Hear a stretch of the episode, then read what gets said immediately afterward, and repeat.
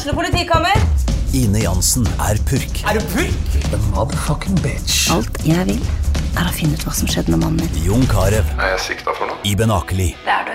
Ole So, Lars Berrum og Big Daddy Karsten. Hvem sin side er du på, egentlig? Anette Hoff, Tone Danielsen, Kommer du fra Afrika?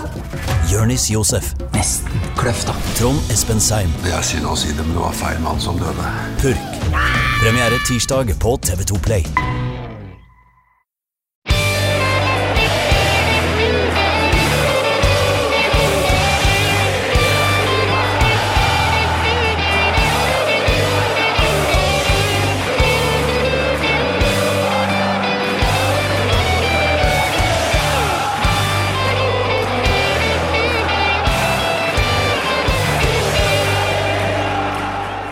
Og velkommen til årets desidert, jeg lover, siste episode av Pyro og Pivo. Eh, Vi, det er jo egentlig en slags vanlig episode, for vi skal gjøre noe ganske etter hvert tradisjonelt her i dag. Men eh, i anledning hvilken uke det er, og hvilken tid som vi står midt oppi, så kjørte vi på med julekalenderjingeren, fordi den, den litt sånn rocka varianten med litt uh, argentinsk synging, Marius Elgå, den er ikke så dum. Nei, jeg har sansen for den.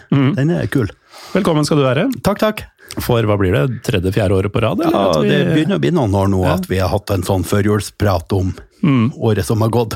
Men det er bare de siste par åra hvor eh, det har eh, først og fremst handla om ditt eh, banehopperår. Fordi det jeg tror var første gangen, det var da du farta rundt eh, mellom avlyste oppgjør i Paris eh, og fikk med deg noe 13. divisjon, eller hva det var for noe. Ja, det eller var, prøvde å få med deg noe det var 13. vel noe nivå 12 eller noe sånt jeg ikke fikk med meg fordi den ble avlyst, men Sånn var det. eh, ja, den første var Da kom jeg nesten rett ifra flyet. Ja.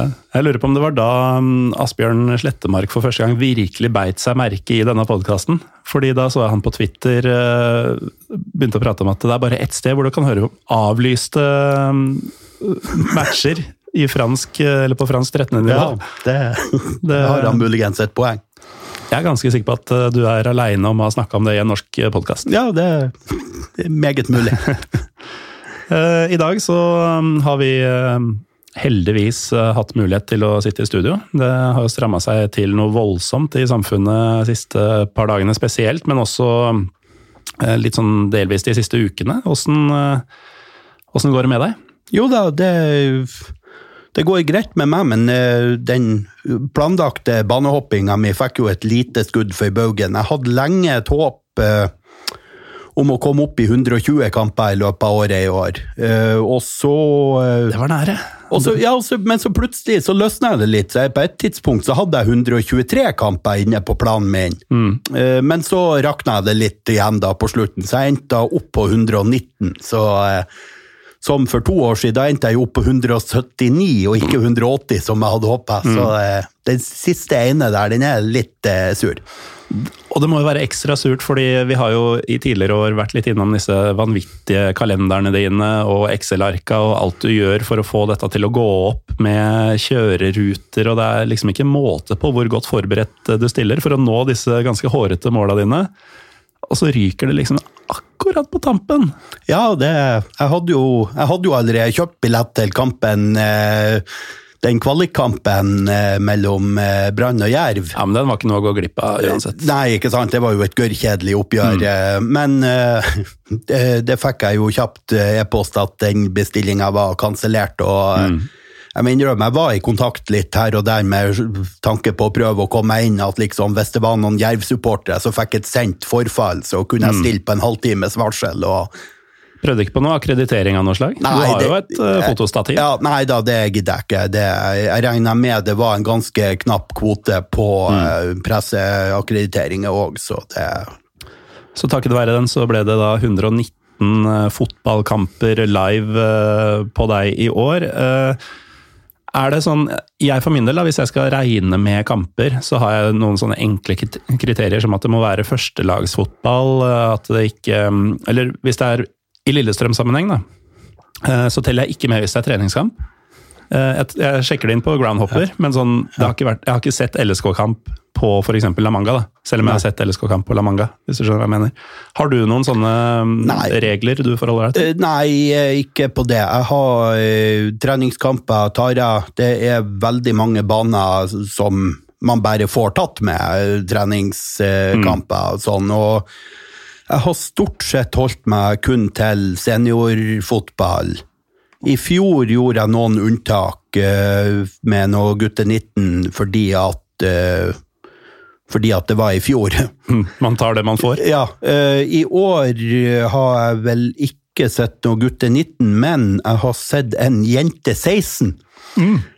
den nasjonale cupen, men det var litt sånn sammensatt. Det var på en bane der det aldri spilles seniorfotball ellers. Det var på en gressbane, en av de fineste gressbanene jeg har kommet over på Østlandet. Det var en forferdelig regnværsdag, så det var jo masse tvil om kampen kunne spilles der, men uh, banen var finere enn uh, veldig mange. Så det det var, og så var det da eh, Bortelaget kom fra Mosjøen, så jeg kjente jo han ene i trenerteamet der, og så da fant jeg ut jeg måtte eh, ta turen og se på Bødalen gress utenfor Slemmestad. eh, Hyggen mot eh, Halsøy i Jente 16-cupen. Hyggen mot Halsøy, Ja. Jente 16. Ja. Det, jeg var jo egentlig i ferd med å si da du snakka om at ja, du skviste inn noe G19, hvis det er lov å si, eh, i fjor fordi uh, ting var som de var. Og så skulle jeg til å spørre sånn, har du noen grenser? Men eh, jeg tenker halsen mot uh, Verstøy, eller hva det var for noe, jenter 16, det er vel et rungende nei til hvorvidt det fins Ja, grenser. og, altså, som sagt, den hadde jeg nok ikke dratt på, hadde ikke vært for at jeg kjente han ene treneren. og... eh, og det er sånn, Jeg så for, eksempel en annen kjent groundhopper som plutselig sjekka inn på en bane som jeg bare Hæ, er det kamp der? Så kikker jeg, ah, det var gutte 11. Det, der, den tar jeg ikke. Nei. Men eh, det var mulig å sjekke inn gutter 11? Nei, Altså. eller han regi- etterregistrert sjøl, da. Sånn. Ja, nei, mye gærninger der ute som, som har blitt et slags eh, slagord for Pyro og Pivo. og du er jo egentlig en av dem. Eh, det kan jo være at det har kommet til nye lyttere siden sist du var med. Det var vel etter fotballtinget håper holdt på å si sist vinter at du var med sist på Pyro Pivo. Ja. Eh, så vi må jo ta en liten gjennomgang av hvem du er. Og jeg ser jo først nå at vi er jo nødt til å ta et bilde til Instagrammen eh, etterpå, fordi den T-skjorta der, den er rimelig magisk. Ja, den, eh, det er ikke tilfeldig hvert hva jeg kler på meg når jeg skal i eh, Pyro Pivo-studio. Der står det altså Trombone Hero. Eh, og det er vel ikke et eh, tilfeldig valgt uh, instrument på den T-skjorta heller, Marius? Nei da, som uh, de som har fulgt med i Pyro Pivo-universet en stund husk, så stilte jeg jo opp og spilte en fotballsang-medley på jubileumsshowet ditt. På basstrombone. Ja. Ja. Og det, det spiller du aktivt fortsatt i korps? Korps og symfoniorkester. Ja, begge deler. Ja. Ja, nei, men det, det gjør jo folk. Ja da, det, så det, det gjør jo at uh, på mandager og torsdager så er det veldig sjelden at jeg har anledning å gå og se fotballkamp. Da er det trombone. Altså det prioriteres over ball Ja, til tider. ja det gjør det stort sett hele tida. Jøss. Nei, man lærer mye. Altså det, er, det er fotball nesten uavhengig av nivå, eller kanskje, kanskje uavhengig av nivå. Ja. Og så er det basstrombone. Og så er du glad i mat. Eh, Hva mer oppsummerer Marius Jeg, Helga? jeg, jeg er egentlig en slags universalnerd. Ja. Jeg er litt nerd på de aller, aller fleste områder. Det, altså for de som har fulgt deg på Twitter og andre ting i eh, flere år, så er jo ikke det noe overraskelse at du, at du sier det. Eh, Du har jo blant annet eh, i årevis, eh, sikkert fortsatt for alt jeg veit, laga en indeks for alt som har stått i Jossimar. Ja, den, eh, nå er det riktignok en stund siden sist. Jeg har en liten backlog, men jeg har en drøm om at i løpet av jula skal jeg komme à jour igjen. Jeg tror jeg har tre, De tre siste numrene er ikke lagt inn der ennå, men uh, Og det, dette er ikke et oppdrag de har bedt deg om å gjøre, eller noe sånt? Dette er noe du driver med? ja, jeg gjorde det for uh, det er sånn, Plutselig kommer jeg på Har ikke det vært en artikkel om den klubben i Josemar, eller eh, eller har ikke jeg Altså, lest noe om det temaet der en gang, og da plutselig Ja, det var i nummer sju mm. i 2017, sånn, og så går det kjapt å bla tilbake. Så den eh, Ja, Altså, det har et bruksområde. Ja, og jeg får jo òg tilbakemeldinger fra dem som jobber der, at de faktisk bruker den for sjøl å finne fram i, i registeret sitt. Ikke sant. Og så har du jo da Det er vel du som står bak eh, denne Stadion Hjerte-kampanjen. Ja. Hvis man ser den hashtagen på Twitter, så starta den med at du ba eh, alle som følger deg og alle du kjenner, om å ta bilde av enhver fotballbane de ser i hele kongeriket, omtrent. Ja. Det, det starta egentlig etter eh, idé fra Danmark. Eh, jeg, følger en del danske fotballfolk på Twitter og så at de begynte med en 'Her er mitt stadion', og der de la ut bilde av et stadion med den hashtagen, og så var det en fyr som satt og plotta de inn i et Google-kart som eh, kunne deles. Og da fant jeg ut og sånt må vi kunne gjøre her i Norge òg. Og jeg gikk da litt videre ut og eh, tok med absolutt alle kategorier fotballbaner, fra den minste løkka, så lenge det er et mål der. Så vi har jo annet fått med ei, ei lita grusløkka med ett mål på Jan Mayen. Naturligvis. Um, altså, som fotballfan så er det jo også litt sånn uh, hva skal vi si, litt vanskelig å lese noen ganger. fordi du har jo da, du er jo Tromsø-fan på din hals, og vel så det. Og um, holder også med stålkam og ikke minst uh, gymnastikk fra Tarragona i, eh, i hva blir det for noe, andre eller tredje nivå Spania? De er på nivå tre i Spania nå, de. Så det er jo på en måte én ting. Og så har du en annen side som holder med Juventus og Manchester United. Ja, men eh, den sida er jo litt sånn Den er litt som de Manchester United-sida. Den er litt På på, eh, på vent. Jeg følger med på eh, United, og, men jeg har jo ikke hatt Premier League-abonnement på mange år. Og jeg kjenner jo at jeg savner Serie A på norske skjermer mindre enn jeg hadde trodd, når det ikke ble tilgjengelig lenger. Så, eh, så akkurat det, det Det ligger der inne en plass, men det er ikke i, i Det er liksom ikke bruk. viktig lenger. Nei. Nei. Eh, Noe som er viktig for deg, er jo Tromsø.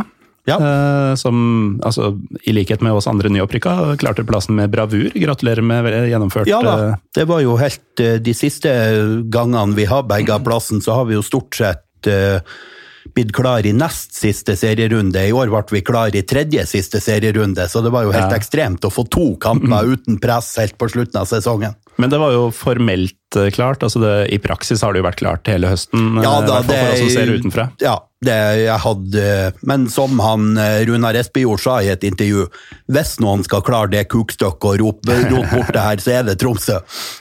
Men eh, du endte på ni Tromsø-matcher i, eh, i år. Ja. Eh, høres nesten litt lite ut med tanke på hvor fot mye fotball du ser. Hvor pleier du å ligge et vanlig år? Men Tromsø Tromsø på Nei, der har jeg brukt å ligge på 13-14, Hmm. men da har jeg gjerne hatt minst to turer til Tromsø. I år hadde jeg kun én, og eh, Og ikke minst en hel sesong ja, å spre det ja, og i år var det jo faktisk ikke lov med bortesupportere på de første Hmm. kampene, så eh, så det var jo litt artig. Den første kampen i Eliteserien der det var lov med bortesupportere, det var jo Odd-Tromsø. Da fikk vi eh, han Ja, Det var da dere var 20 stykker eller noe noe det var det som var. Supporterkoordinatoren vår fikk beskjed på det her Kampen gikk torsdag kveld. Uh, tirsdag kom beskjeden at det kunne åpnes. Onsdag uh, formiddag fikk han beskjed dere får 20 plasser, vi må ha ei navneliste før midnatt. Og vi greide da å skrape sammen 13 navn på lista, og så tror jeg det var et par som hadde kjøpt billett annen plass på stadion, og som fikk flytta det. Sånn, så vi for nedover en gjeng og sang så vi var helt ferdig eh, etter eh, kampen. Men det var, tross tap så var det jo en fantastisk deilig følelse å endelig få være bortesupporter igjen. Ja, det, det er jeg virkelig kjent på i år også. Jeg skal innrømme at jeg hadde litt sånn litt sånn slapt forhold til eh, bortekamper de siste par åra før dommedag. Men etter å ha blitt på en måte frarøva muligheten til å dra på kamp i et år og vel så det, så merker jeg at det gikk en ordentlig faen i meg den perioden hvor vi kunne, kunne reise igjen. Altså. Ja. Jeg dro, da jeg dro til Molde i nest siste runde, så fant jeg ut det på morgenen. Ja, det Da, at, hørte jeg jo du ja. sa i forrige episode. at eh, Og det, det kunne ikke skjedd i 2018, f.eks. Nei. Uh, men uh, altså Jeg ser jo litt på, Vi er jo inne på Eller du sendte meg en screenshot av ditt uh, 2021 på Groundhopper-appen.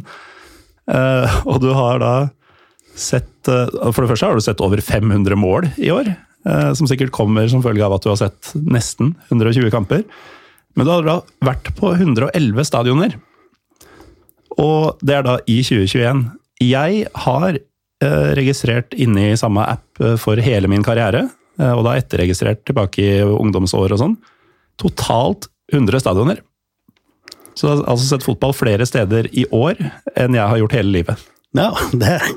Og jeg har jo litt sånn ufortjent rykte på meg for å være litt groundhopper sjøl, men jeg, jeg, er jo ikke det. Men det er klart, du har noen eh, litt eksotiske plasser, sånn eh, Ja, mitt fokus har jo gjerne ligget på ja. flest mulig land og den ja. type ting. Um, jeg hadde jo eh, Jeg hadde en, et håp om å få et nytt land i år.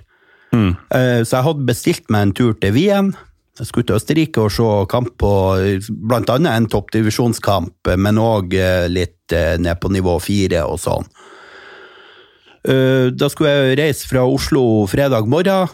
Torsdag kveld kom det beskjed at Østerrike stenger ned mandag, mm. og når jeg da på fredagsmorgenen kikka litt på eh, Så konkluderte jeg med nei, det her kan jeg ikke gjøre. Så det endte med at den turen gikk i vasken, og jeg dro, eh, dro til Stange og så eh, kretsmesterskap i sjette divisjon mm. i stedet. Det er aldri så gærent at det ikke er godt Nei, for noe. Nei da, jeg fikk heldigvis en ny bane den helga mm. likevel, men hadde jeg fått realisert den turen, så hadde jeg vel akkurat kommet opp i 450 baner totalt. Mm. Men nå står jeg på 446. Ja. Men det kommer, Marius. Det kommer. Det blir nok eh, neste år, eh, får jeg halvrundt tall. Men apropos land, altså, du, har sett, eh, du har sett ti ganger så mange mål som meg, og seks ganger så mange kamper som meg. Og ja, ti ganger så mange stadioner som meg. Elleve ganger, faktisk, i år. Men jeg tangerer deg på én ting, og det er antall land. Ja. Jeg har sett fotball i to land i år, begge to. Mm. Eh, hva er ditt andre? Det er Sverige. Mm. Vårt nærmeste ferieland. Eller nest nærmeste. Det er jo Norge som er det nærmeste. Um, jeg har faktisk vært flere turer i Sverige i år. Jeg starta um, en av fordelene med å ha litt mage, sånn som jeg har, var jo at man havna i ei eh, litt prioritert gruppe på vaksine. Ja. Så jeg fikk eh, vaksinedose to i slutten av i slutten av mai. Og i midten av juni så var jeg min første tur igjen da over til Sverige og så eh, kamp på nivå sju i eh, Vermskog. Mm. Og når jeg nevner Vermskog, hvis det er noen fra Østfold som hører på kampen, nei, hører på podden her, så nikker de sikkert anerkjennende til det jeg sier nå. For der ligger det en eh, kafé rett utenfor stadion. Og det ble jeg tipsa om i ei sånn eh, lokalfotballgruppe for området der. Dra dit på kamp og gå på kafeen og kjøpe rekemakka, altså rekesmørbrød. Okay. Og det var altså en opplevelse. Det var ganske lita loffskive med et tonn reker oppå. Oi. Det var så mye reker! Og det var så godt, og det var helt fantastisk. Det var en helt fantastisk eh, matbit. Jeg tok det etter kampen. Da jeg så mm. det var noen som kjøpte som takeaway og tok med på tribuner. og... Eh, Litt sånn spanske stilen, ja. med bagetter med tortilla og ja. Nei, det var, Så det var virkelig en eh, bra plass å fære. Så mm. det anbefaler jeg hvis dere skal inn mot eh, det lå eh, Man kjører østover E18 og så svinger eh, nordover et stykke før man kommer til Åmål. Mm.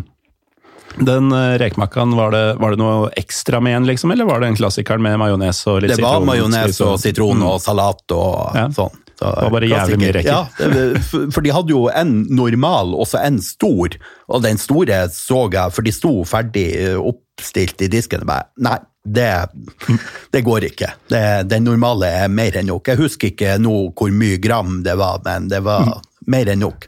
Men uh, apropos dette med vaksinekøen, husker jeg riktig at du drev og aktivt oppsøkte um, fastlegen? Uh, for å overbevise om at Nei, det var jo ikke for å overbevise, men jeg regna jo ikke med at fastlegen hadde notert eh, høyde og vekt på meg. Så jeg sendte jo en mail dit og Ja. eh, sa jeg har sett at det er i prioritert gruppe, og min BMI er det og det. Og, og da to, fikk jeg mail et par dager etterpå at eh, vi skal vaksinere den datoen, bare kom hit da.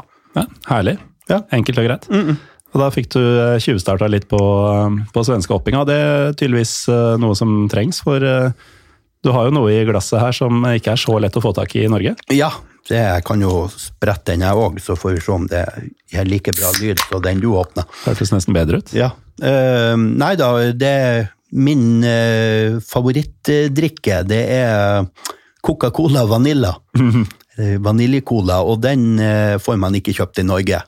Nei, det er noen få tatt. plasser de har den som import fra USA. Da blir det billig. Da koster jo sånn 45 kroner boksen, så eh, da er det greier å kjøre til Sverige og kjøpe et brett for 100 kroner. Ikke sant?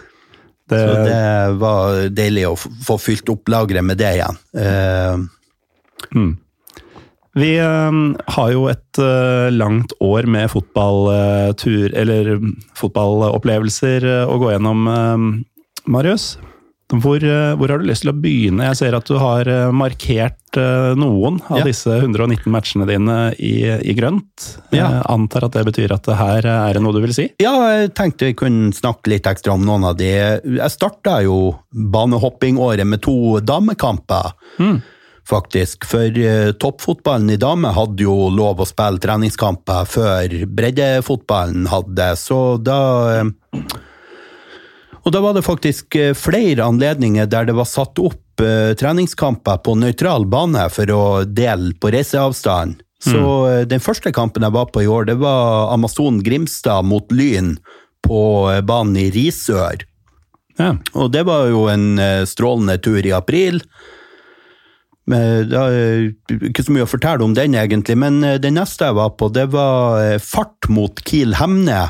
I, eh, og de møttes da på nøytral bane i Alvdal. Eh, Ja. Og da, for å komme meg dit, så fant jeg ut jeg gidder ikke å kjøre hele veien. Østerdalen er jo verdens kjedeligste veistrekning. ja, den er trist. Så da kjørte jeg til Elverum, og så tok jeg toget derifra til Alvdal. Og så eh, spaserte jeg hele den lange rettstrekka i Alvdal for å komme til eh, fotballbanen. Eh, så en strålende kamp. Kiel Hemne spilte i Alvdal sine drakter, for de hadde eh, Glemt drakter. de hadde glemt eh, draktene i bagasjerommet til materialforvalteren, og, eh, og så hadde de jo tatt buss eh, sammen oppover. Så, mm. så det var en tynnsetting jeg kjenner. Han, når jeg nevnte det for han, så bare kommenterte han ja, et så bra lag, det har aldri spilt i Alvdal-drakta før. Nei, for dette var også en damekamp. Ja, Kiel Hemne, det er Kirkeseterøra, ikke sant? ja det er jo eh, eh, barndomsklubben til Pål André Helland. Ja, og det er vel for Noir de Angashi, og det er mye, mye Ja. fotball Ja, ja. eh, som har kommet derfra. Altså. og mye annet. Ja.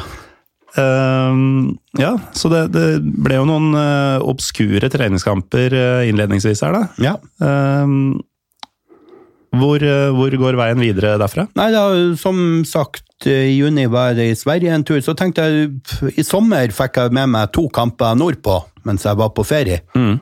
først eh, en treningskamp, det var på en bane der jeg har vært mange ganger før, eh, Mosjøen mot Sandnessjøen i, i Mosjøen. Men det Jeg var faktisk innom begge de byene i sommer. Ja. Jeg har jo knapt vært eh, nord for Trondheim eh, tidligere. Eh, Men det som var litt morsomt med denne kampen, som jeg ikke visste på forhånd, faktisk, det var jo at eh, Mosjøen hadde to meget kjente spillere på laget. Og meget kjente. Meget, meget, meget kjente. Ikke så veldig kjent som fotballspillere, men meget, meget, meget kjent. Ja vel. Skal vi la lytterne få noen sekunder Noen til å tenke sekunder på til å tenke på hvem kan være to kjente personer i fotballspillealder fra området i nærheten av Mosjøen. Det Ikke var da to brødre, tilfeldigvis? to tvillingbrødre, Markus og Martinus. Ja. Eh, Markus starta kampen. Han skåra et mål. Eh, Martinus kom inn og var delaktig i en situasjon som ga laget straffe. Så de, Mosjøen vant 4-0, eh, og de var veldig delaktige i kampen. Et stjernespekka Mosjøen. Ja, Så la jeg jo ut litt bilder etter eh, kampen, og da knabba de litt bilder og la på instaen sin, så eh, plutselig strømma det jo på med nye følgere på Insta som eh, De visste ikke helt hva det gikk til. Nei. Hvis du først og fremst er ute etter Marcus og Martinus innhold, så er det da Marius Helga eh, som det vel heter på um, Instagram, som kanskje ikke er det første stedet man går til. Nei, det tror jeg ikke.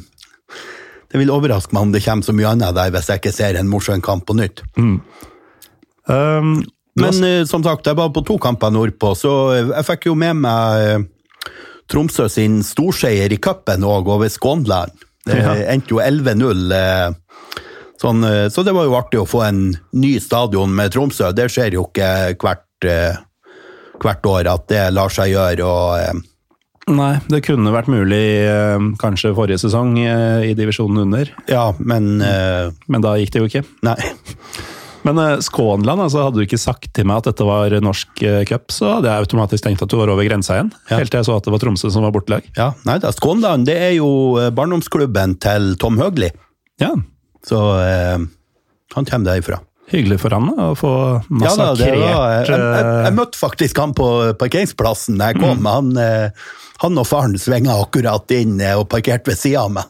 Altså, det er ikke sånn at Tom Høgli bare henger rundt på parkeringsplasser og Nei da. Det, det var, Han kunne gjort det. ja, det jeg har ikke forbausa meg om han sto der med gul vest og dirigerte parkeringa sånn. Eh, Eller bare sto uten gul vest og hang inntil en vegg og Ja. slang litt bemerkninger etter det, det hadde jo òg vært en mulighet. Ja, veldig typen til det, tror jeg. Ja.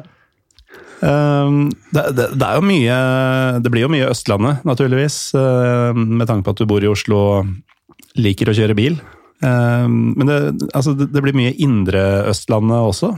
Ja, og det blir jo Det har jo litt med hvor det har vært kamper. Det er jo mye det som avgjør hvor det er kamper, og hvor det mangler kamper. Jeg hadde noen som mente nå hadde helt rabla for meg når jeg var først en dag i eh, Trysil og så Nybergsund, og så dagen etter kjørte Gol. Ja, fordi den, uh, den la jeg merke til. Altså, du, du har rett og slett sett fotballkamp mellom Gol og Valdres. Ja, og det var jo en treningskamp. Eh, Jeg mangla banen i Gol, og det passa å ta turen opp en kveld. Eh, Jeg fikk med meg han eh, André Øyvåg, Ja. world famous etter å ha gått til Kristiansund. Apropos mange gærninger der ute. Ja, eh, vi, eh, det var bare så vidt vi rakk kampen, for vi var så dumme. Vi svinga inn på drive-truen på McDonald's Ja. på Flå. Jeg trodde du mente at han insisterte på å gå dit. Ja. Nei da, det Jeg tror han anså seg som ferdig med gåturer etter den lange. Altså, du veit litt sånne breiale britiske guttegjengfilmer snakker ofte om eh, sånn herre She ain't gonna be walking for a week. Øyvåg var jo faktisk ikke i stand til å gå på månedsvis etterpå.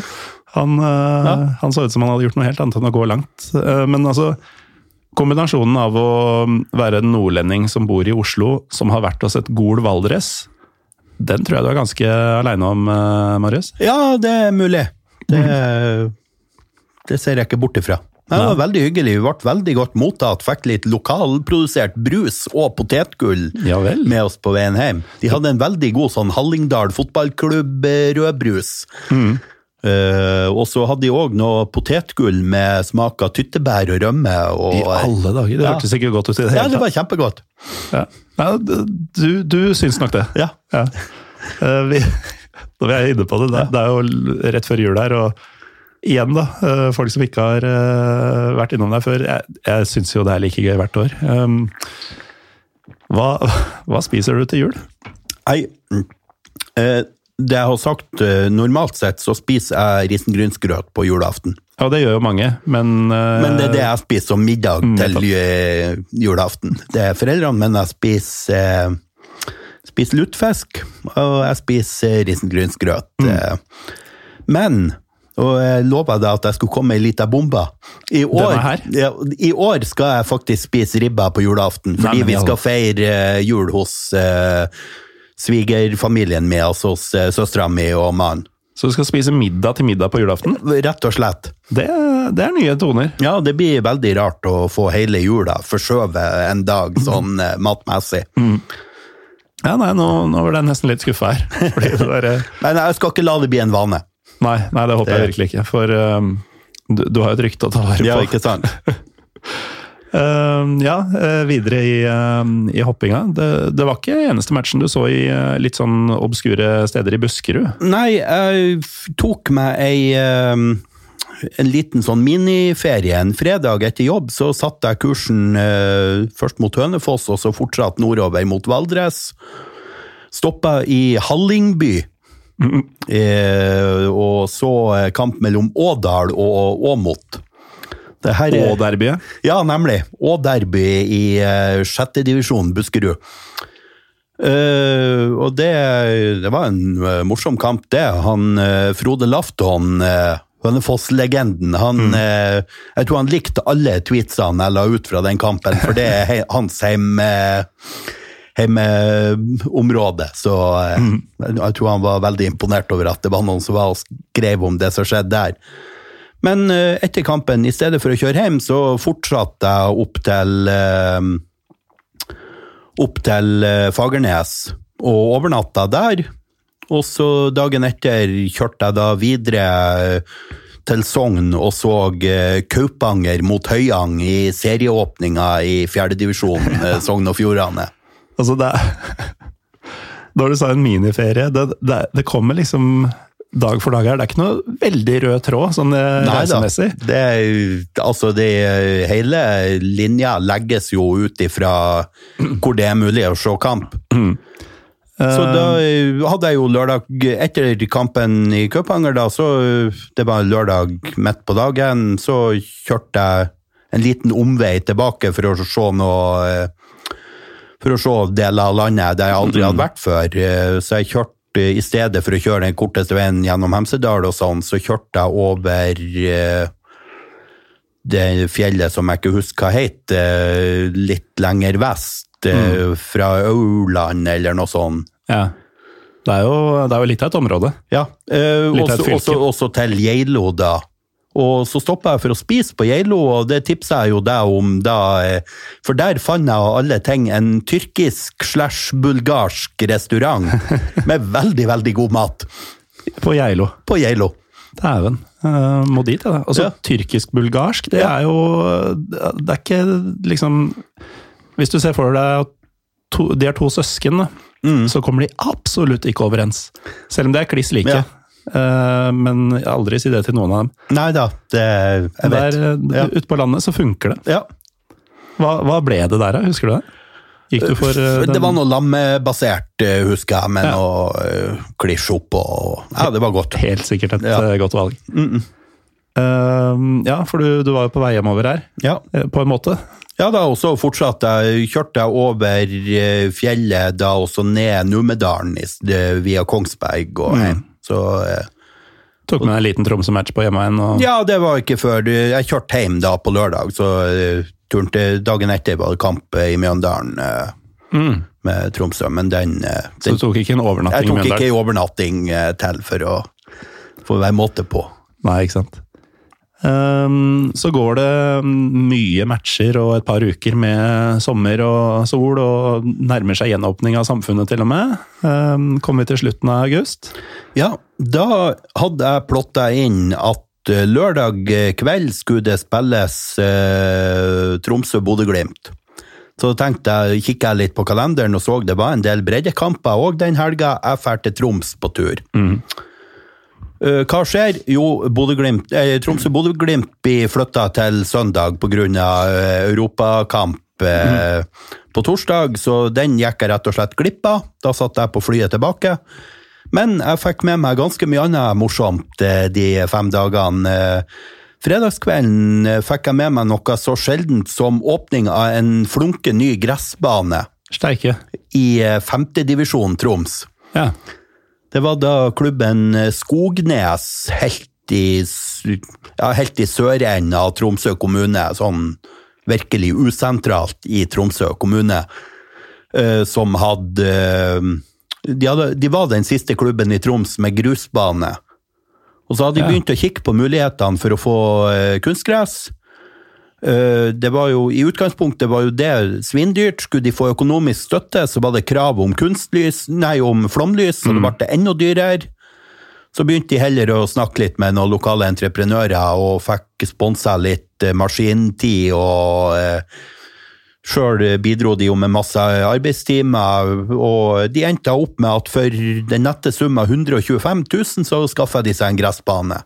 Det er fantastisk. Altså, Ja. Tromsø kommune Ja. legger gressbane i eh, 2021. Ja, det var helt fantastisk. Så det var jo godt over 100 mennesker til stede og så denne femtedivisjonskampen, og det tror jeg ikke det ville ha vært, hadde ikke vært for at det var den offisielle åpningskampen på den nye banen.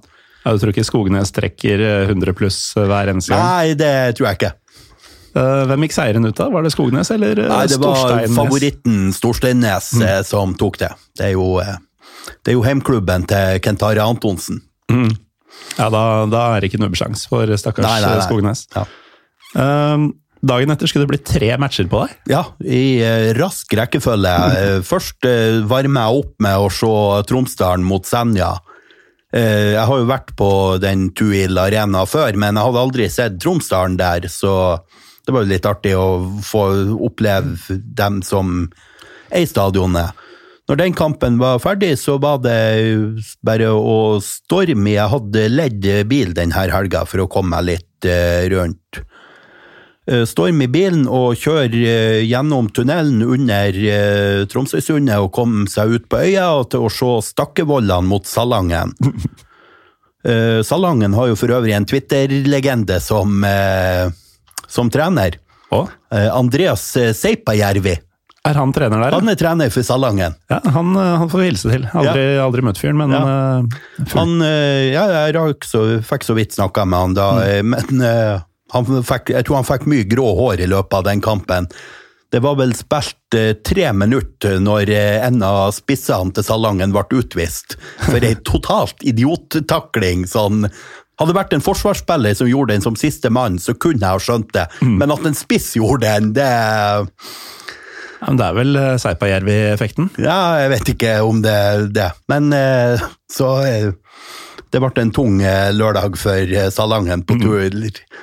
Ja, nei, Måtte men- fly liksom tre timer i minibuss, og så spille tre minutter fotball, sitte og vente i to timer, og så tre timer i minibuss igjen. Eh, Nei, det er tung dag for ja. stakkars uh, Salangen. Og så etter den så var det rett videre over sundet igjen, og litt nord for Tromsdalen til uh, Kroken, uh, der eh, eh, det er egentlig hjemmebane til Krokelvdalen, som eh, jo var i eh, opprykkskvalik fra fjerdedivisjonen i år.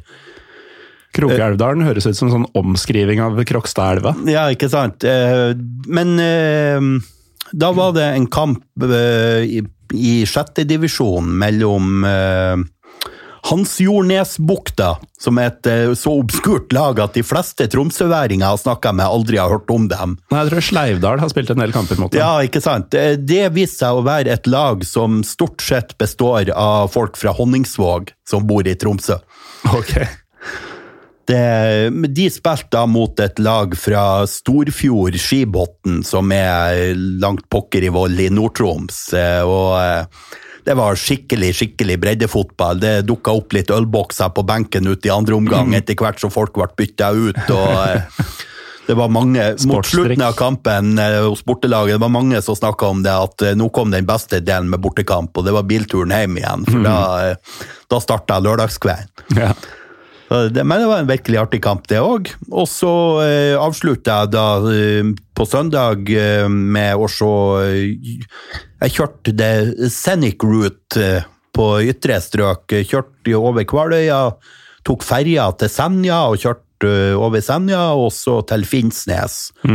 Det er gutta til Per Jarle Heggelund, Det er Per Jarle Heggelund sine karer som greide å Hvis jeg ikke husker rett, så slo de Nei, ikke, hvis jeg ikke husker feil, så slo de Nordstrand i en ganske dramatisk kamp. Det var en situasjon der eh, eh, ingen skjønte hvorfor det ikke ble rødt kort. Jeg sto rett bak noen eh, innbyttere fra Nordstrand i en situasjon da, og de var de var så sjokkert over at de fortsatt var elleve mann etter en eller annen situasjon. Eh, Men eh, det endte nå i hvert fall Jeg tror, mener det var 1-0 til Finnsnes eh, da, og eh,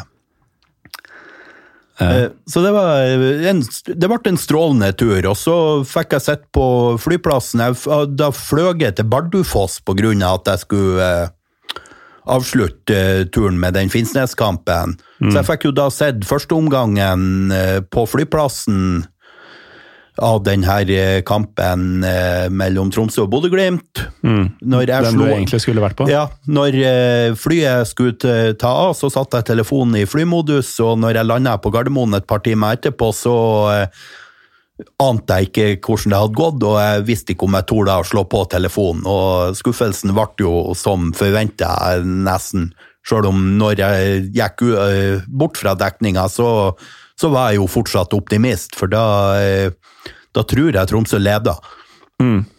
Og det endte Den endte vel 2-3, et, eh, altså Bodø-Glimt-seier, og siste skåringa kom ganske sent. og ja, Det er rart å si det, men det er jo et hederlig nederlag. Det er det jo absolutt, eh, og, så det eh, Tromsø spilte bra i begge kampene mot Bodø-Glimt i år. Jeg ser du har vært og sett eh, FK Silkefot. Ja. Eh, det er jo um, eh, en god kompis av meg, sin bror og kompiser, som står bak den klubben. Ja. Uh, mye fine greier. altså Lilla drakter. Lilla drakter og eh, Mr. Løva Løva, som er en løve, det er maskotten. Ja, og da, han som er leder i klubben, han er klubbpresident. Det holder ikke å være leder her, her skal man være president. Og så er det noe med altså det engelskmennene kaller the audacity, å kalle seg FK Silkefot når man Ja eh, surrer rundt i femtedivisjon. Ja, jeg har hørt om ganske mange som har vært innom dem i diverse sånn eh, managerspill og sånn. Eh, bare på grunn av navnet. Ja. Ja, eh, så det er jo absolutt en taktikk de lyktes med. Det Ja. nei da, de er i femtedivisjon og eh, møtte det gjenoppståtte stålkameraten i, i, i en torsdagskveld når jeg tilfeldigvis var hjemme, for jeg skulle i konfirmasjon eh, den søndagen. Men eh, du har sett matcher i Oslo også, og femtedivisjon er jo ingenting. Du har jo sjuendedivisjon, eksempel. Ja da, eh, det var grunnen til jeg markerte den her Nordby mot Østlandskameratene i 7. divisjon. Nordby er jo utafor Oslo, men det er jo i Oslo fotballkrets. eh, Og banen deres den ligger omtrent rett oppå Nordbytunnelen. Det, den som er der sør for Tusenfryd. Ja. Uh, og når jeg hadde plotta inn på Google Maps at jeg skulle dit, så anbefalte Google Maps meg å kjøre til midt i Nordbytunnelen, stopp og gå derifra. Oh, ja.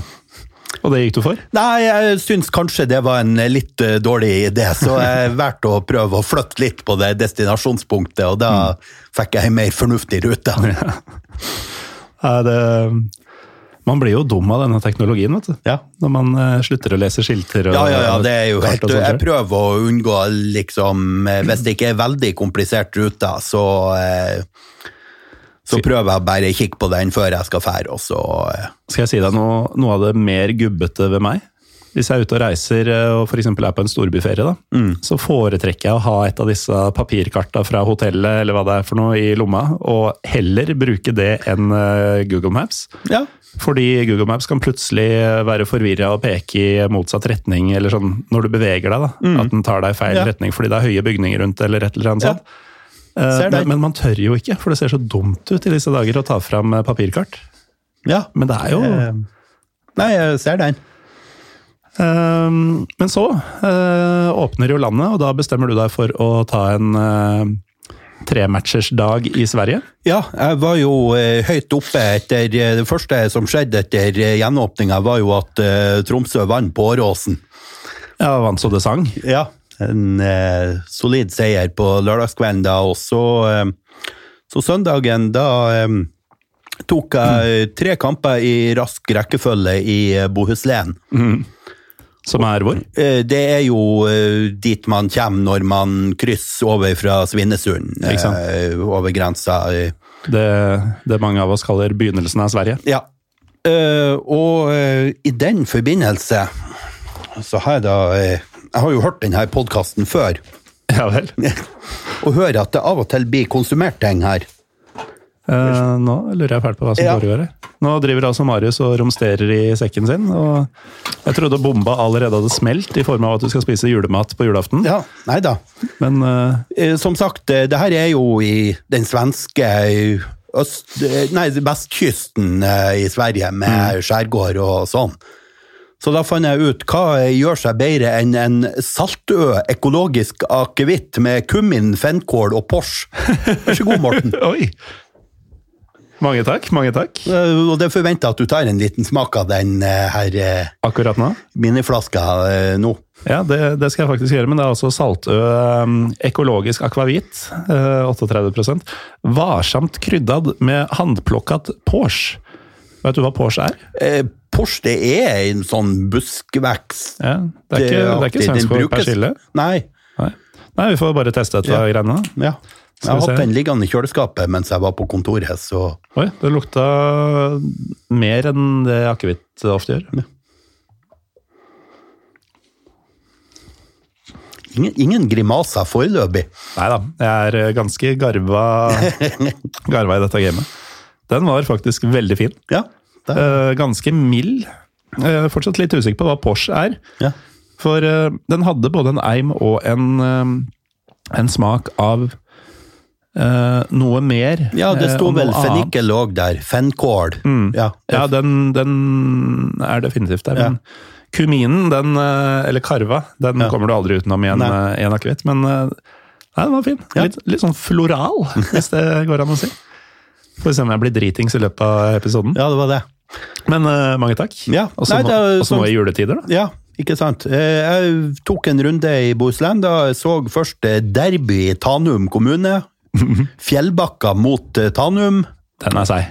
Det, og Fjellbakka vant, og det tror jeg falt Tanum fra kommunesenteret veldig tungt for hjertet. Det, de skulle ikke tape mot den der gjengen. På svensk åttende nivå. Ja. Det er divisjon seks, så det heter. De har jo to divisjoner unummerert øverst. og Riktig. Eh, Så kjørte jeg videre til Munkedal, litt lenger sør, og så en kamp på nivå fire. Eh, Munkedal mot eh, Brålanda.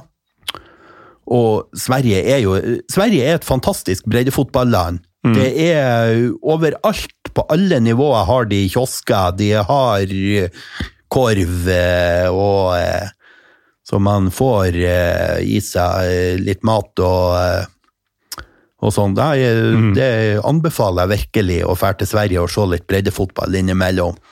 Ja, fordi de er seriøse på arrangementsdelen. Og, Det er det. Mm. Sånn. Og så har de òg veldig mye flotte stadioner eh, på alle nivåer. Ofte er det sånn kombinert at stadion ligger i tilknytning til en sånn folkpark, så det er et eh, forsamlingslokale og eh, gjerne sånn utendørsscener òg i tilknytning til, eh, til stadion.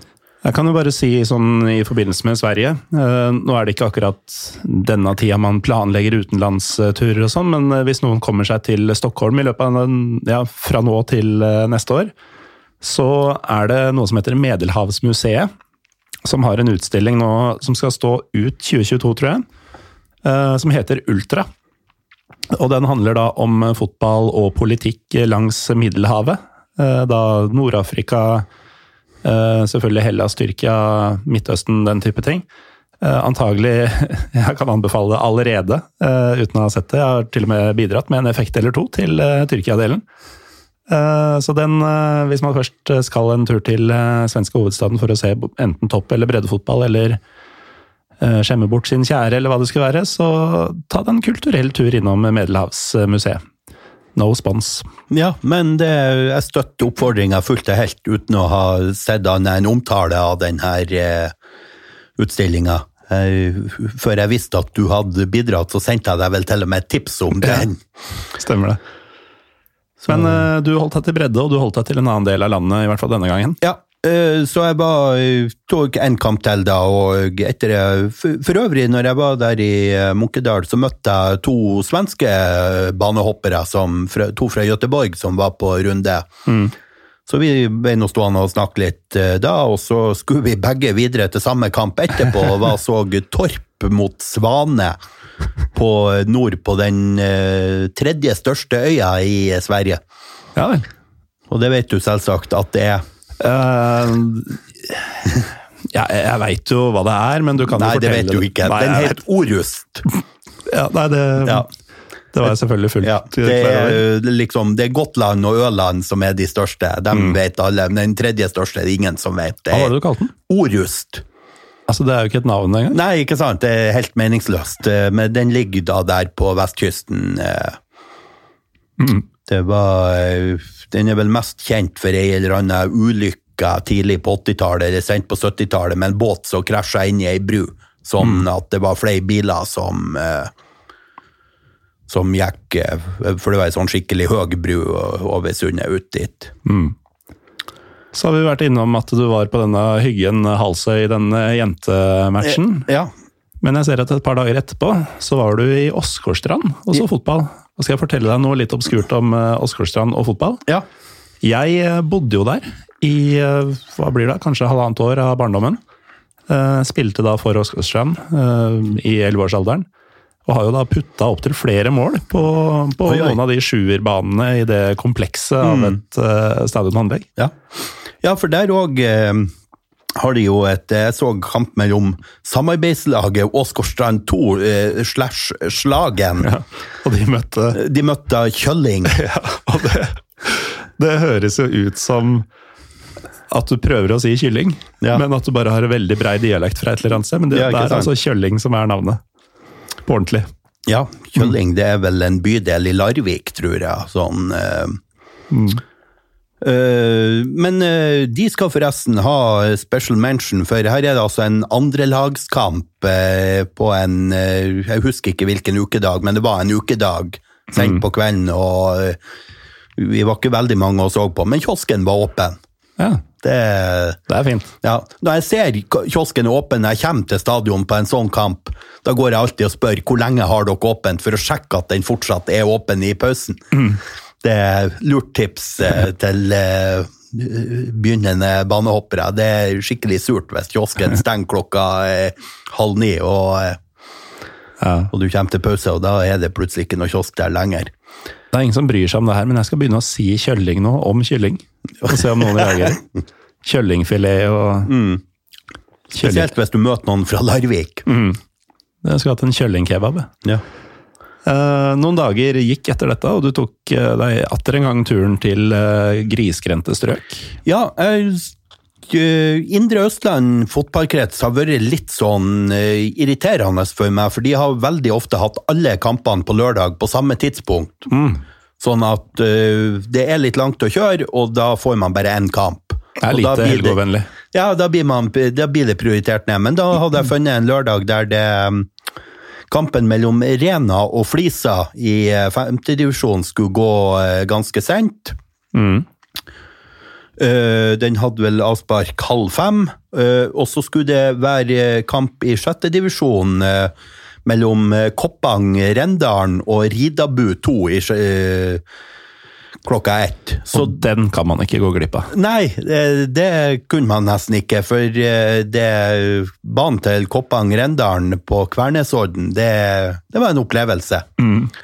Der, eh, Hvorfor det? Nei, den var skikkelig fin. Et flott lite sånn eh, gressstadion, litt tribuner. Mm.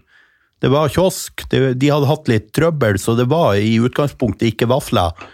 Men så skulle det heldigvis være en aldersbestemt kamp etterpå, og hun som hadde vaffelrøra til den kampen, kom litt tidlig. Så jeg fikk meg en vaffel før jeg dro derfra.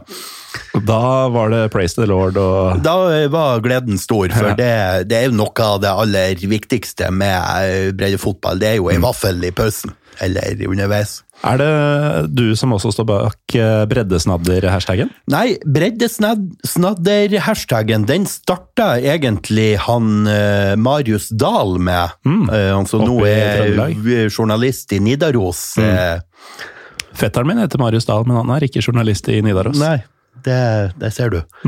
Men uh, det var han som uh, Jeg tror faktisk han på et tidspunkt hadde fått litt rykte i Trøndelag for å være han som alltid kjøpte kaker på uh, kamp og sånn. Så han begynte med det, og så adopterte jeg den og legger ut det bildet av hva det måtte være. og... Men hvis Så- man Hvis man tenker på vafler og pølse, og da ikke i forening med mindre du er i Østfold, eh, som standarden, da. Hva tenker du er eh, Hva ville vært det ultimate eh, breddesnadder? Hvis det, er, hvis det er noe annet enn det, eller er det en av de to? Nei, eh, de er jo veldig lettvint. Mm. Jeg var i Engerdal på kamp. Det er jo tjukkeste, tjukkeste Hedmark. Og, og der hadde de elgburgere. Det var jo òg helt fantastisk godt. Sjølskutt. Ja, sannsynligvis. sannsynligvis. Nei, de var veldig, veldig bra. Så mm. det er jo liksom det, Kanskje om man ikke har det på hver kamp, men at eh, når det er en begivenhet for klubben, hva det enn måtte være, så legg litt ekstra i det. Fyr opp en grill og ha noe burgere eller noe sånt. Det, det skaper litt ekstra på Så Koppang Rendalen mot Ridabu 2 på Kvernesodden, det var en opplevelse for livet. Ja, det var virkelig en fin tur. Så gikk eh, ferden samme dag til Rena Flisa. Ja. Uh, Noe spesielt å melde derfra, eller? Nei, ikke annet enn at banen var så blaut at uh, han banesjefen hadde gitt dem beskjed at de måtte ta oppvarminga på et sånt treningsfelt ved sida, for han torde at de Han visste ikke hvordan banen kom til å bli. Det gikk uh, helt fint, selve kampen, men eh, Banen heter Rena leir. ja, for det er, Da er det ikke rart den er bløt, da. Nei, ikke sant. Det er jo leir som i militærleir. Ja. Ikke som i en festivalcamp. Nei. Det er, folk pisser og nei da, og her er det nok eh, Jeg tipper det er en del folk som har vært i førstegangstjenesten på Rena, som har sprunget noen runder på løpebanen der. Mm. Uh, for øvrig, uh, for å uh, Jeg hadde jo jeg, jeg hørte jo den her episoden du gjorde med han, Thomas Auna og Alexander Schou. Ja. Stjernespekka episode. Ja, eh, og det var jo mye Jeg er jo stor fan av dem, men det var mye der jeg følte jeg måtte ta litt til motmæle mot. Oi. Ja, det Først og fremst Du har hatt en del med dem å gjøre, du. ja, du har vært, Først og fremst kritikk av servelat. Det kan jeg ikke akseptere. servelat er kraftig undervurdert eh, kjøttpålegg. det er så lite overraskende at du Ja. eh, melder. Det, den der turen min i Troms, da levde jeg nesten bare på polarbrød og eh, servelat eh, underveis. Oh, eh, jeg har jo ikke det der hatforholdet til servelat, men jeg kjøper det aldri. Men polarbrød det skjønner jeg ikke greia med. Så hadde du sittet her med oss tre da, Ja. da hadde du fått eh, hard motbør. Ja, nei, polarbrød syns jeg er helt eh, strøkent. Det er liksom ferdig eh, Det er et ferdig produkt, så når man kjører rundt sånn, så er det så lettvint å ha. Så jeg, det var liksom noe av det første jeg gjorde når jeg kom til Troms. da. Det var å kjøpe en pakke polarbrød, en pakke smør og en pakke servelat. Så hadde jeg lunsj og eh, Og middag og frokost. Ja, det meste sånn utover. Mm. Var det mer du steila over i den episoden? Eh, nei, mer og mer. Eh, Jeg hadde egentlig en tilleggsopplysning om det med hurtigspising. En eh, liten anekdote om det. Jo, ja. For det mm, eh, Ved det engelske hoffet sånn i senmiddelalderen, så når de hadde store middager med sånn et par hundre eh, par hundre gjester, så foregikk jo alt sånn at eh, det ble først båret inn mat til kongen, så ble det båret inn mat til alle de andre, og så når kongen var ferdig med den retten, så ble maten båret ut, uansett hvor langt de andre var kommet med sin eh, rett. Og så fikk kongen neste rett, og så fikk alle de andre den retten, og når kongen var ferdig. Så det medførte jo at alle de andre måtte jo spise som gal for å få i seg så mye som mulig i det korte intervallet mellom at eh, Så lite altså Når du er eh, invitert til en kongelig middag, så tenker du kanskje å, jeg skal passe manerene mine. Ja, ja, litt og sånn. nei, Men liksom, du må bare fråtse og hive i deg som om du skal dø Ja. eh, om en halvtime. Så det Men eh, det siste fra den episoden jeg hadde tenkt å nevne, det var det med hopping. For det ble, de snakka om hopping og Elverum og et eller annet hoppbakker. Jeg husker ikke nøyaktig hva som var sammenhengen. Men i Østerdalen er det jo Rena som er den store hoppbyen. Ja. Og Rena IL eller SK eller hva de heter, husker jeg ikke i farta. De har jo òg ei hoppavdeling med Så det første jeg så når jeg kom kjørende ned langs elva og inn mot Rena, det var jo hoppanlegget med fire-fem bakker ved sida av hverandre og mm. sånn skilt at her hadde vært norgesmesterskap da og da. og så det er jo Rena er hoppeby. Eller Rena er hoppby. By og, by og by, men eh, Men apropos ditt forhold til, eh, til skauene, skaune, som noen Ja. liker å kalle dem. eh, For de er jo en enhet. De er jo det. De beveger seg jo ikke fra hverandre mer enn en Ja, de sover fra hverandre. Det er det så langt det strekker seg, liksom. Så vidt jeg veit, da. Eh, De gir i hvert fall inntrykk av å ha bedre halvdeler, begge to. Um, Et av de beste radioøyeblikka i norsk historie, det er med dere tre. Veit du hvor jeg skal hen? Eh, Da når jeg knuste telefonen min Ja.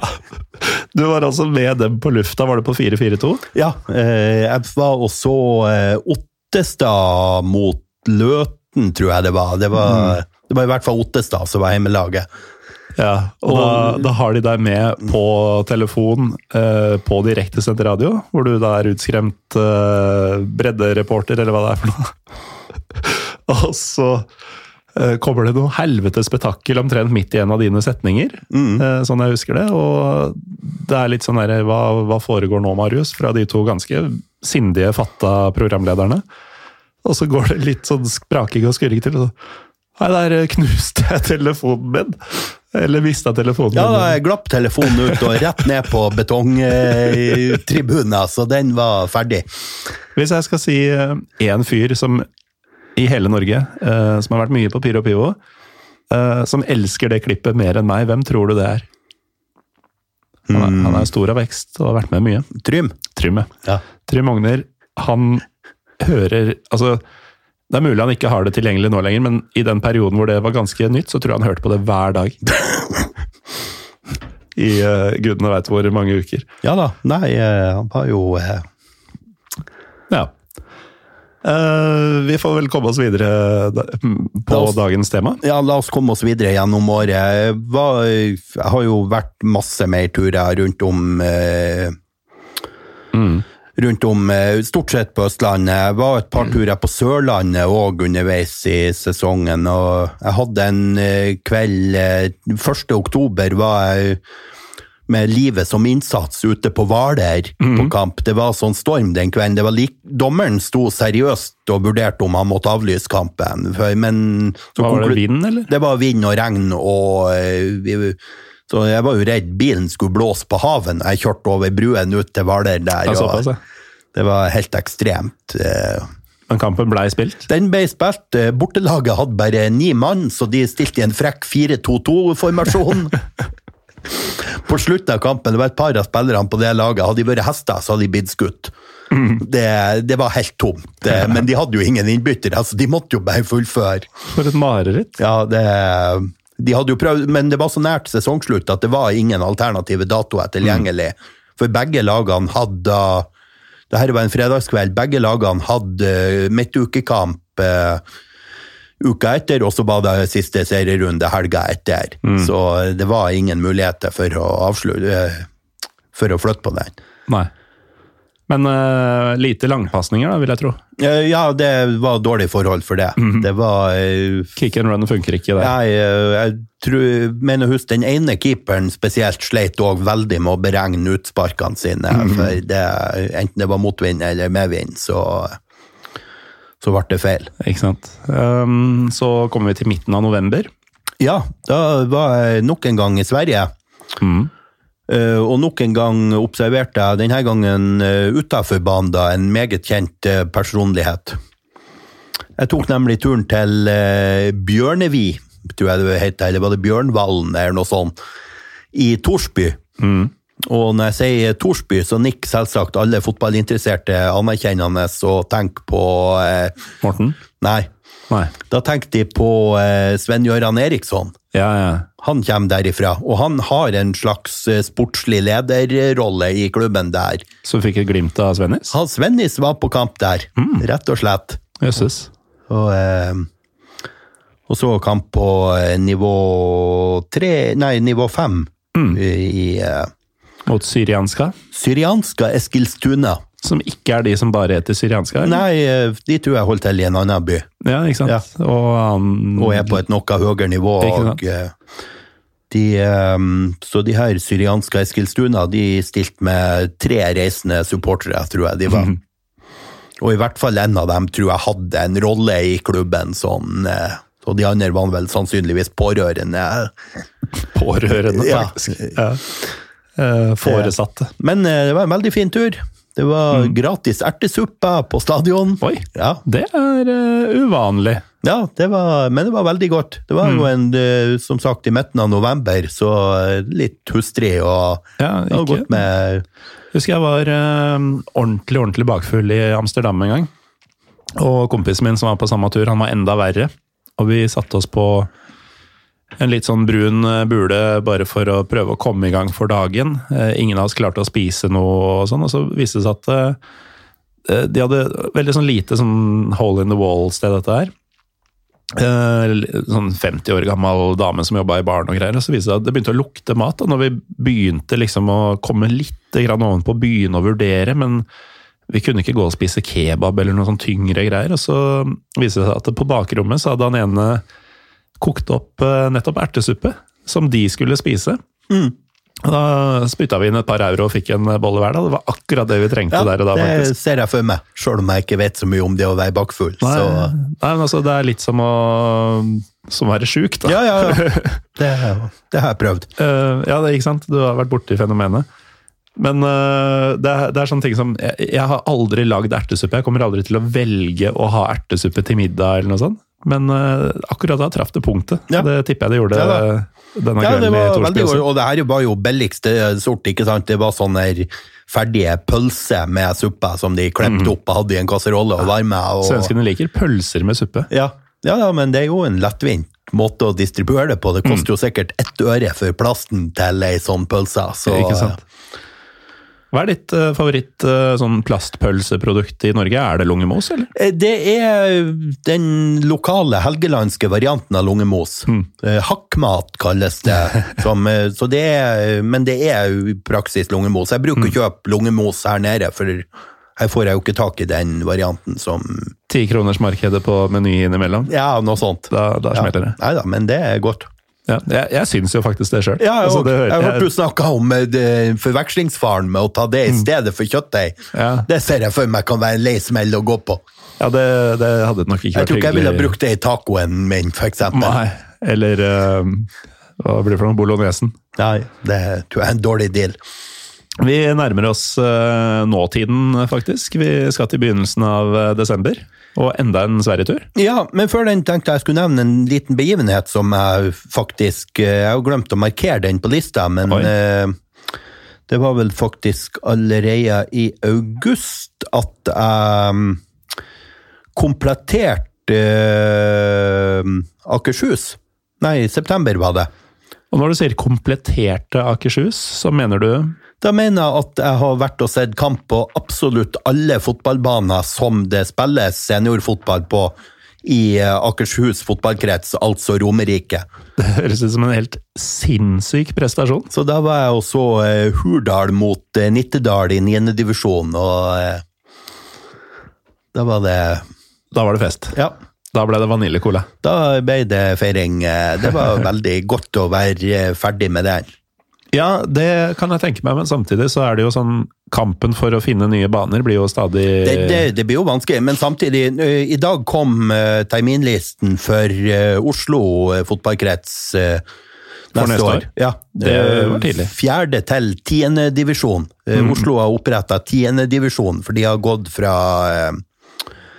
fra to til tre avdelinger på hvert nivå. Skal du og jeg og de lytterne som melder seg til tjeneste, starte et Pyro Pivo-lag og melde oss på tiendedivisjon i Da vet jeg en som vil melde seg. Mm. Eh, André Øyvåg. Han har nemlig spilt fotball på alle nivåer, fra nivå tre til ni, eller Nei, altså tre til ti. Ja. Og tiendedivisjon er jo nivå elleve. Ja. Og det- Så det mangler han. Så han er desperat etter et tiendedivisjonslag som er villig til å gi han noen minutts spilletid. ja, for han skal ikke opp en divisjon fra det spennet han har vært i. Nei, nei, nei, det tror jeg han innser at det toget er gått. Når du knapt kan gå, liksom. Ja. Så mm. Men å få noen litt spilletid i tiendedivisjon, det tror jeg han eh, vil sette veldig pris på. Men eh, jeg satt meg da og kikka gjennom på hvilke baner som er tatt i bruk i år, for det varierer jo litt fra år til år. Spesielt på en del andre- og tredjelag, og, og de klubbene som ikke har eget anlegg. eh.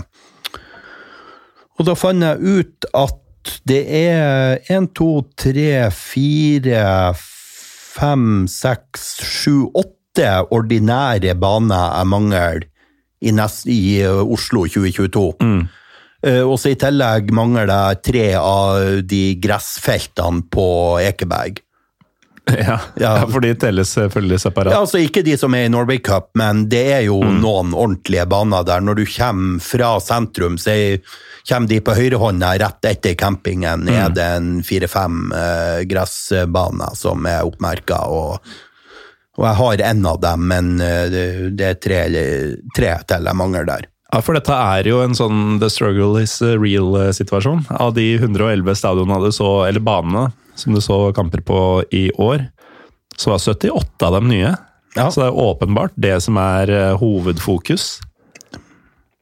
Det blir det, så eh, Nei da, så og så samler Jeg har òg Østfold begynner jeg òg å nærme meg komplett. Det Det er faktisk enda villere, for det, det er jo en god del eh, kjøring og styring og ordning. Ja, men samtidig Jeg kommer jo fra Rana kommune. Jo, jo. Rana kommune er betydelig større enn gamle Østfold fylke. Ja, sant nok. Ja. Pluss at eh, det blir jo noe vaniljekola på kjøpet ofte, hvis du Ja da, skal det- bortover dit. I hvert fall når grensa er enkel å krysse. Mm. Det har jo vært noen perioder av året nå når jeg ikke har giddet å vurdert det, fordi at jeg har lest om to timer i kø. og Det var en fyr på Twitter som eh, like etter at det ble mulig å reise over eh, med sånn koronapass og på Svinesund, så hadde han, eh, han hadde kjøpt ei barnevogn i Sverige med eh, noe garanti, og så har han fått uh, trøbbel med den.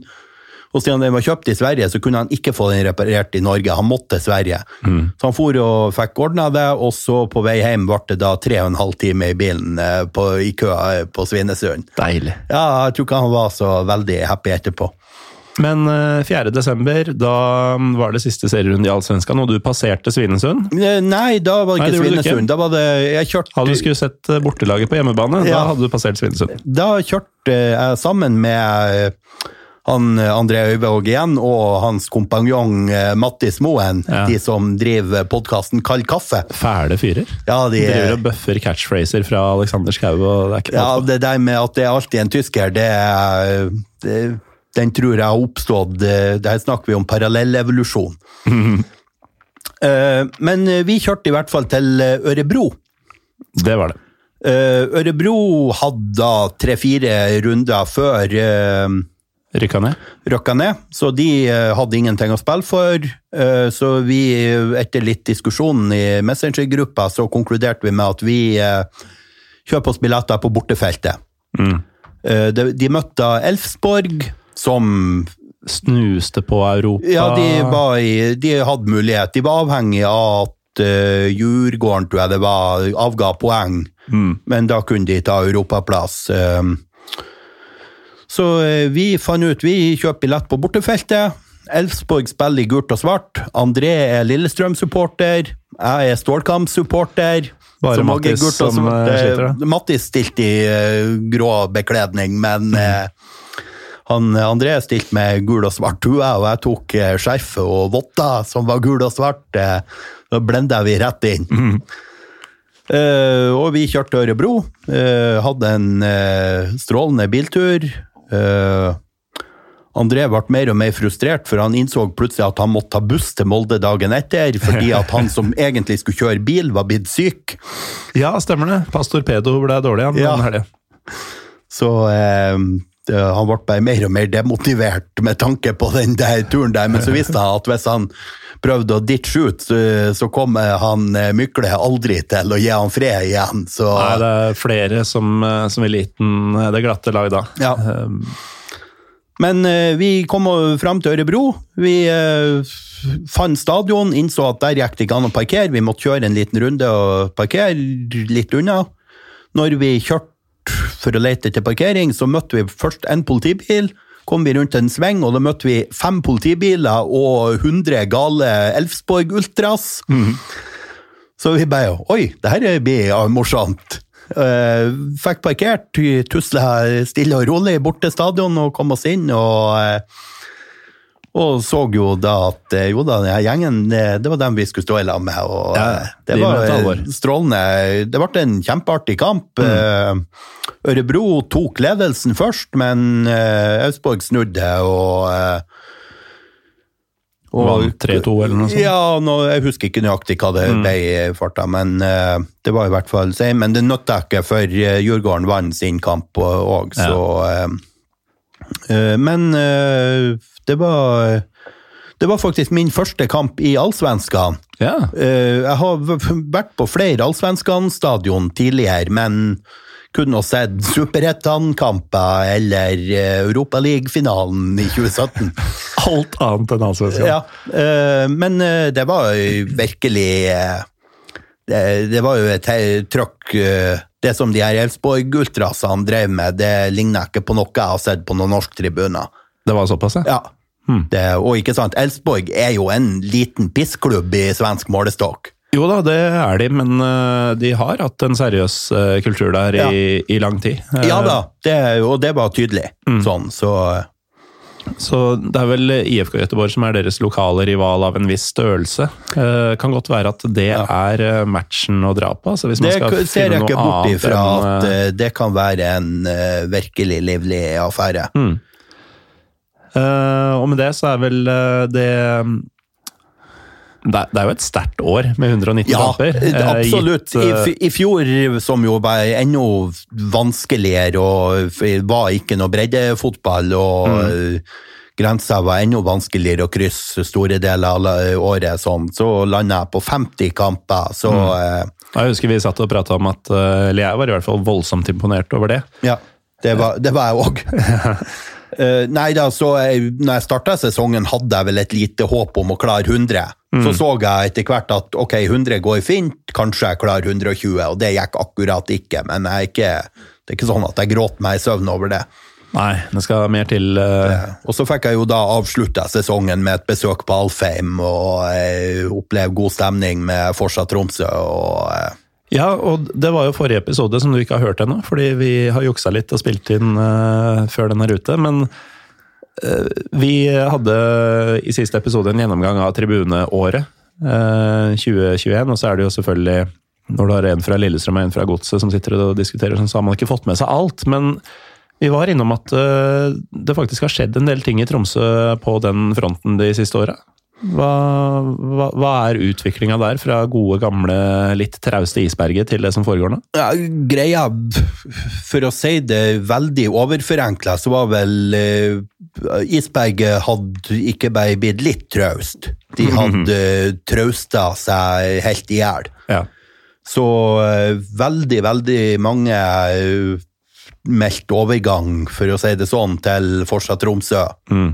Og, så de fikk plutselig mer krefter, rett og slett, eh, og fikk veldig medvind eh, i, sitt prosjekt, eh, for å kalle det det. Og, eh, og da eh, da er det rett og slett en konsekvens av den jobben som de har gjort i eh, ti år snart, eh, med å starte i det små. Og så når da de, i, Til tider har det jo nesten vært eh, litt krig mellom de to gruppene.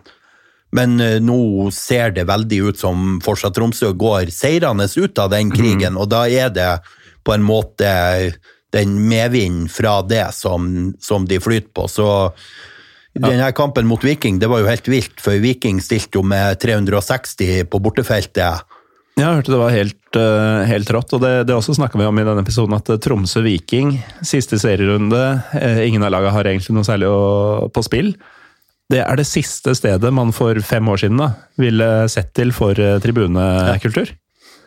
Og så ser jeg at Tromsø-folk er fra seg av begeistring for bortefølge, som var det beste de hadde sett på år og dag. liksom. Det var, tok helt av, Også, men vi fikk jo òg skryt tilbake fra dem at eh, det vi drev med, var veldig, veldig bra. Og, eh, så eh, jeg håper jo at det miljøet i Tromsø vokser og vokser. Vi hadde jo òg mm.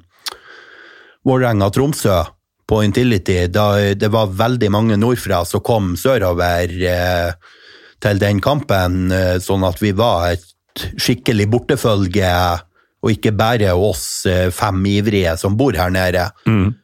Da eh, det var, en, det var en av de beste supporteropplevelsene jeg har hatt med Tromsø her sørpå.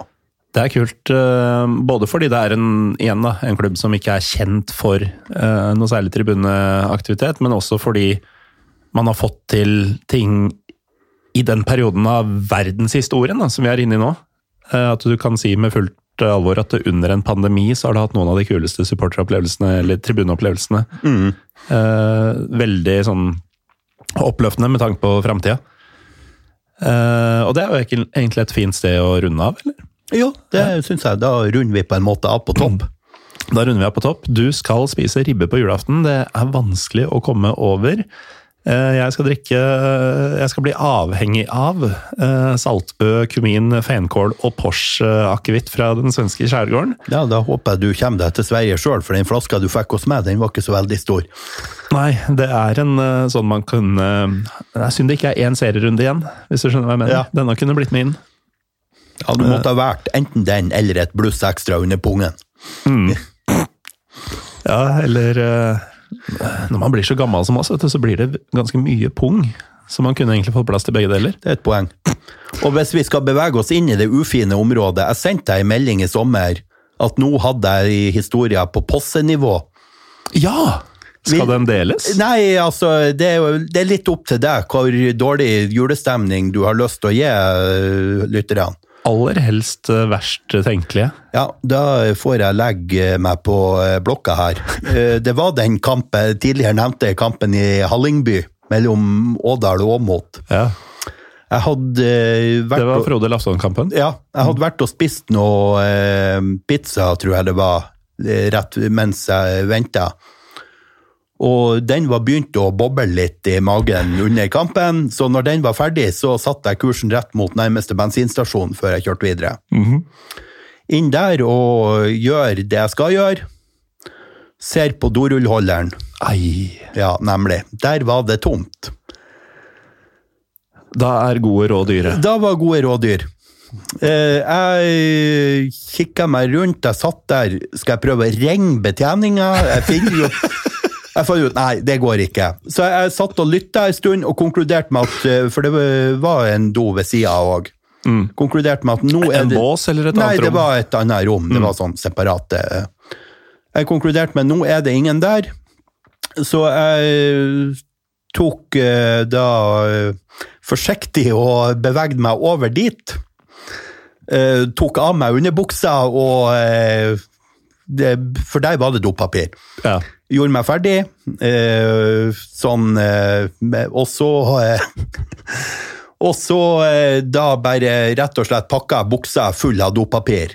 For jeg hadde jo ikke underbuksa på meg nå da. ja, for den var Ja. sacrificed. Ja, og jeg var jo ikke ren sånn 100 det, det blir man jo ikke etter en sånn hendelse. Så eh, underbuksa gikk da i søpla, Ja. erstatta av masse dasspapir som du bare la mellom deg sjøl og buksa. Ja, og så eh, satte jeg da kursen nordover og kom til en Coop Extra etter en stund som, eh, Som hadde et eh, rikholdig non-food-utvalg og, og et do, så jeg kunne kle på meg et eh, ekstra lag før eh, siste del av kjøreturen opp til eh, Fagernes. Det er jo veldig eh, Det er jo en fantastisk historie, og veldig posse i form av at eh, det handler om eh, ukontrollert avføring.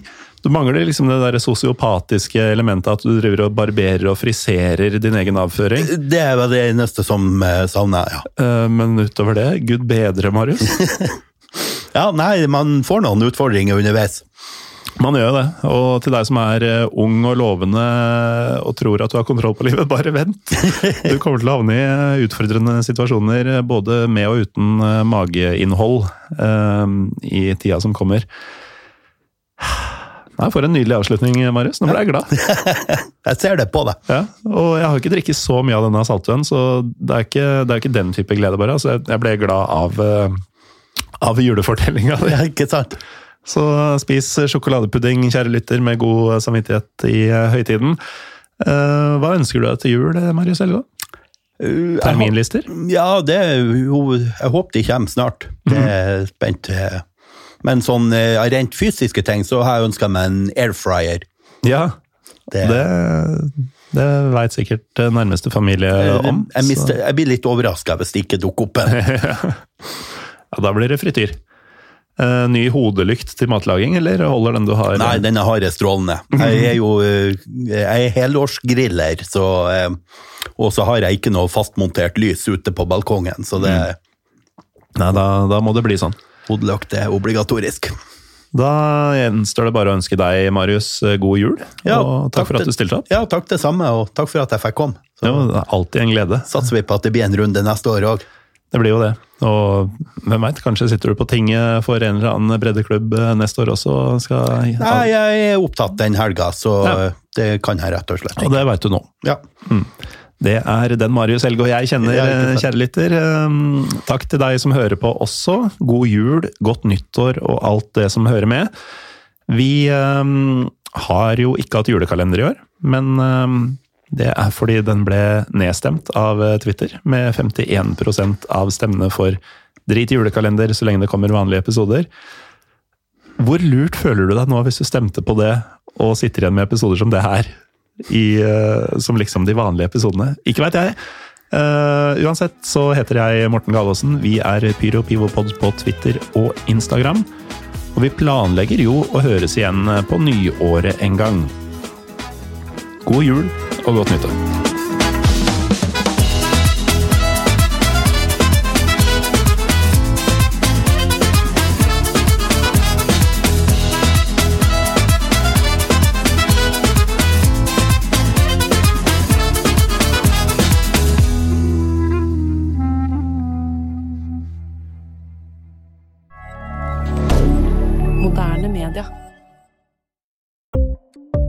Ukens annonsør er HelloFresh. HelloFresh er verdens ledende matkasseleverandør og kan være redningen i en travel hverdag. Mange av oss har nok vandret i butikken både sultne og uten en plan for middagen, som ender med at vi går for de samme kjedelige rettene gang på gang. Middag burde være dagens høydepunkt. Som HelloFresh kan du nå velge mellom 25 ulike retter hver eneste uke, eller få HelloFresh til å sette sammen menyen for deg. Dette gir deg muligheten til å prøve nye og spennende retter alene eller sammen med familien. Du velger antall porsjoner og får alt levert på døren på et tidspunkt som passer for deg. Oppskriftene er enkle, og maten er lett å lage både for store og for små. Ved å få alt levert hjem får du også mer tid til å dele matgleden med familie og venner. Kanskje det frister med asiatiske tacos eller greskinspirert kylling? Da kan jeg anbefale deg om å gå inn på hellofresh.no. Her kan du bruke koden FOTBALL og få opptil 1779 kroner i rabatt på de første fem matkastene hvis du ikke har prøvd HelloFresh tidligere. Du kan også bruke rabatten hvis du har vært kunde og stoppet abonnementet ditt for tolv måneder siden eller lengre. Gå inn på hellofresh.no og bruk koden FOTBALL.